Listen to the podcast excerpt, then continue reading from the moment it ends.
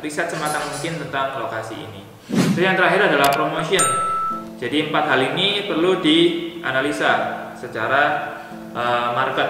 Selanjutnya adalah analisa kompetitor. Nah, analisa kompetitor ini selalu ada dua.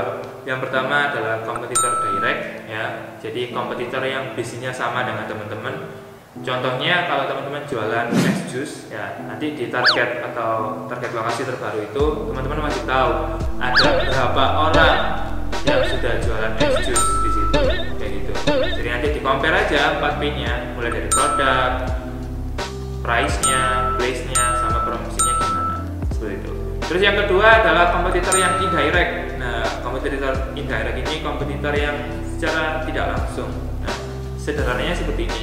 Kalau teman-teman jualan es jus, nah setiap hari kan market ini enggak, mereka kan nggak hanya minum es jus doang. Nah, mereka kan juga minum kopi, es kopi atau es teh atau es dawet lah mungkin kayak gitu. Nah, penjual-penjual lain yang non es jus, nah ini masuk dalam kompetitornya teman-teman jadi di situ dilihat aja di sekitarnya teman-teman atau kalau biasanya kita sih range-nya kasih radius minimal 1 sampai 2 kilo Min, uh, radius 1 sampai 2 km dari titik lokasinya teman-teman itu ada berapa orang yang jualan minuman selain es jus seperti itu jadi yang terakhir adalah analisa company analisa company ini adalah dari sisi internal dari sisi internal teman-teman apakah ide atau produk kita itu bisa match dengan kebutuhan pasar yang ada di sana.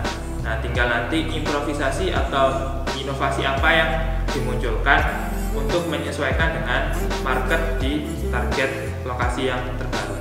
Oke, jadi teman-teman uh, setelah kita bahas dua materi tadi yaitu tentang road scale up dan analisa C, maka kita masuk ke materi terakhir yaitu tentang perencanaan perancangan RAB.